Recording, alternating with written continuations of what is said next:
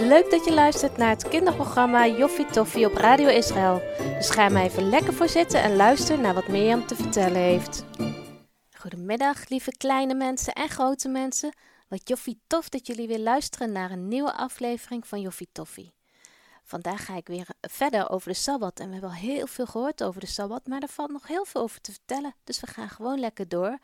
En er is een nieuw verhaal over de Sabbat, over Omri. En uh, nou, daar ben ik ook heel benieuwd naar. Maar nu eerst een stukje uit de Bijbel. En de teksten die ik vandaag wil lezen, zijn vandaag twee teksten, maar wel lekker kort. De ene is Ezekiel 20, vers 12. Daar staat: Verder gaf ik hen en hun, dat zijn de Israëlieten, de Sabbat, als teken waaraan te zien is dat ik, de Heer, van hen mijn heilige volk heb gemaakt. En de tweede tekst is um, Exodus 31, vers 16 en 17. Generatie na generatie moeten de Israëlieten de Sabbat in acht nemen en vieren. Voor mij en hen is die dag een teken van een eeuwigdurend verbond, want in zes dagen heeft de Heer de hemel en de aarde gemaakt, en de zevende dag heeft Hij gerust om op adem te komen. En waar ik het even met jullie over wil hebben, is dat woordje een teken. En het teken, dat betekent, ik heb iemand wel eens horen zeggen, dat de Sabbat is net zoals een uh, trouwring die je krijgt van je partner als je gaat trouwen met die persoon. Het is een teken, net als die trouwring, die doe je om je vinger en dan is het een teken dat je getrouwd bent en dat je bij die andere hoort. En het is natuurlijk super leuk als je een trouwring krijgt en gaat trouwen, dat je die ring ook draagt en gebruikt, want daar ben je trots op. Want je wil heel graag laten weten aan iedereen dat je bij die ander hoort. En zo heeft God ook de Sabbat gegeven, als teken dat de Israëlieten bij God horen en God bij de Israëlieten, en dat er niks tussen te krijgen is. En daarom is het belangrijk om de Sabbat te vieren, want als je een trouwring hebt, dan leg je hem ook niet alleen maar in een laadje in je kastje. En misschien zul je dan nog zeggen van ja, maar dit is een teken tussen God en de Israëlieten. En ik ben helemaal niet Jood, dus ik hoor daar helemaal niet bij. Maar in de Bijbel staat ook dat door dat Jezus voor onze zonde gestorven is, dat iedereen die in Hem gelooft ook bij Gods volk mag horen. Dat is goed nieuws.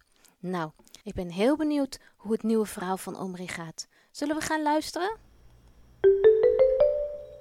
Ken je Omri nog? Die gezellige, eerlijke en aardige knul? Hij is nog niet in het beloofde land aangekomen. Hij is nog steeds onderweg. Inmiddels is hij nu zo'n twee maanden weg uit Egypte. De laatste maand is voor Omri al wel wat fijner, want sinds die tijd eten ze lekker manna. Omri houdt wel van lekker eten. Zijn moeder is ook de beste kok die hij kent. Toch is deze maand ook niet zomaar voorbij gegaan hoor. Tijdens de tocht is er elke dag wel weer iets te beleven.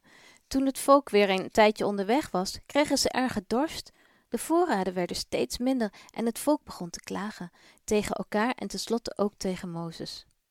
Mam, ik ga even bij Sef lopen hoor. Omri zegt het altijd even wanneer hij op een andere plek in de lange stoet gaat lopen. Zijn moeder heeft dat een keer gevraagd en sindsdien probeert hij echt op te letten. Ze vindt het fijn om te weten waar Omri ongeveer is, in die lange stroom van mensen. Prima, Omri. Mama bekommert zich weer om de kleintjes en laat Omri lekker gaan.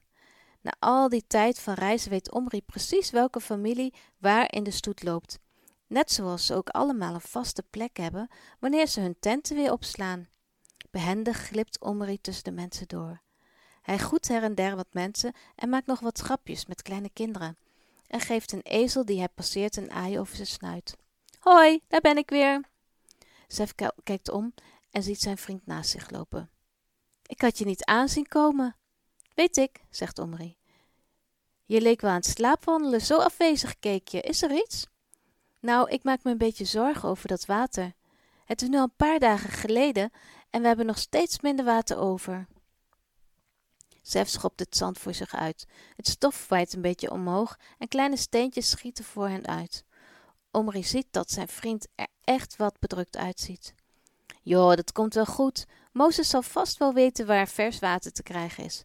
Laat ze maar doorlopen en proberen ergens anders aan te denken.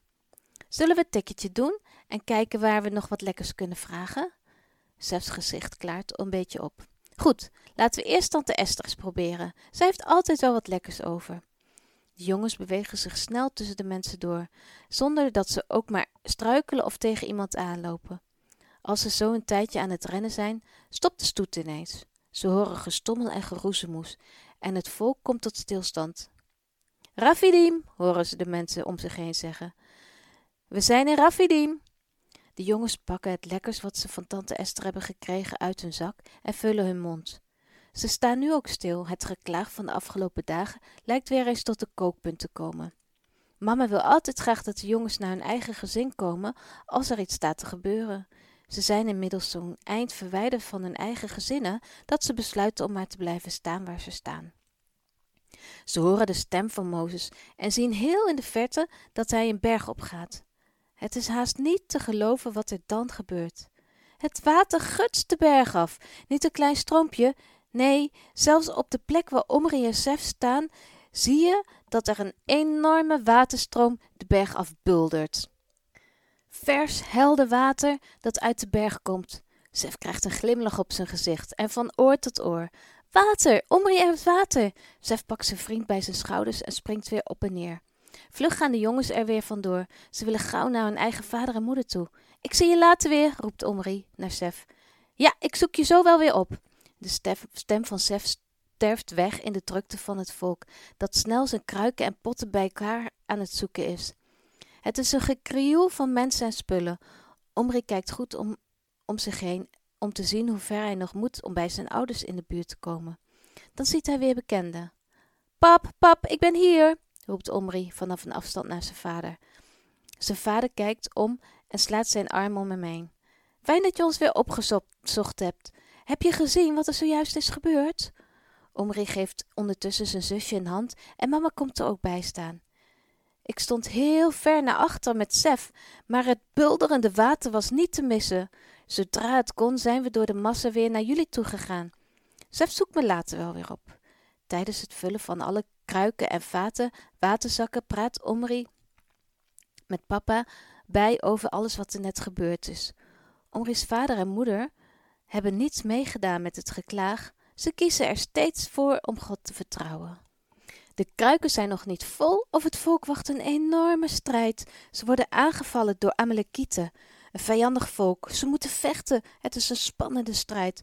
Mozes staat op de heuvel. Wanneer hij zijn hand omhoog houdt, is het volk sterker. Maar wanneer hij zijn handen laat zakken, dreigt de vijand te winnen. Gelukkig krijgt Mozes hulp van Aaron en Hur. Ze ondersteunen hem en het volk verslaat Amalekieten door de hand van God. Omri is tijdens de strijd in de tent. Sef ziet hij die tijd ook niet. Die zal net als Omri wel binnen moeten blijven. Jongens van tien jaar hebben nog niets te zoeken bij strijders. Stiekem vindt Omri dat ook niet zo erg. Hij houdt wel van avontuur, maar deze strijd was nog net iets te groot voor hem. Het volk is weer neergestreken en alle families staan weer op hun eigen plek in de enorme tentenkampen. Omri helpt weer om mee om alles een plekje te geven.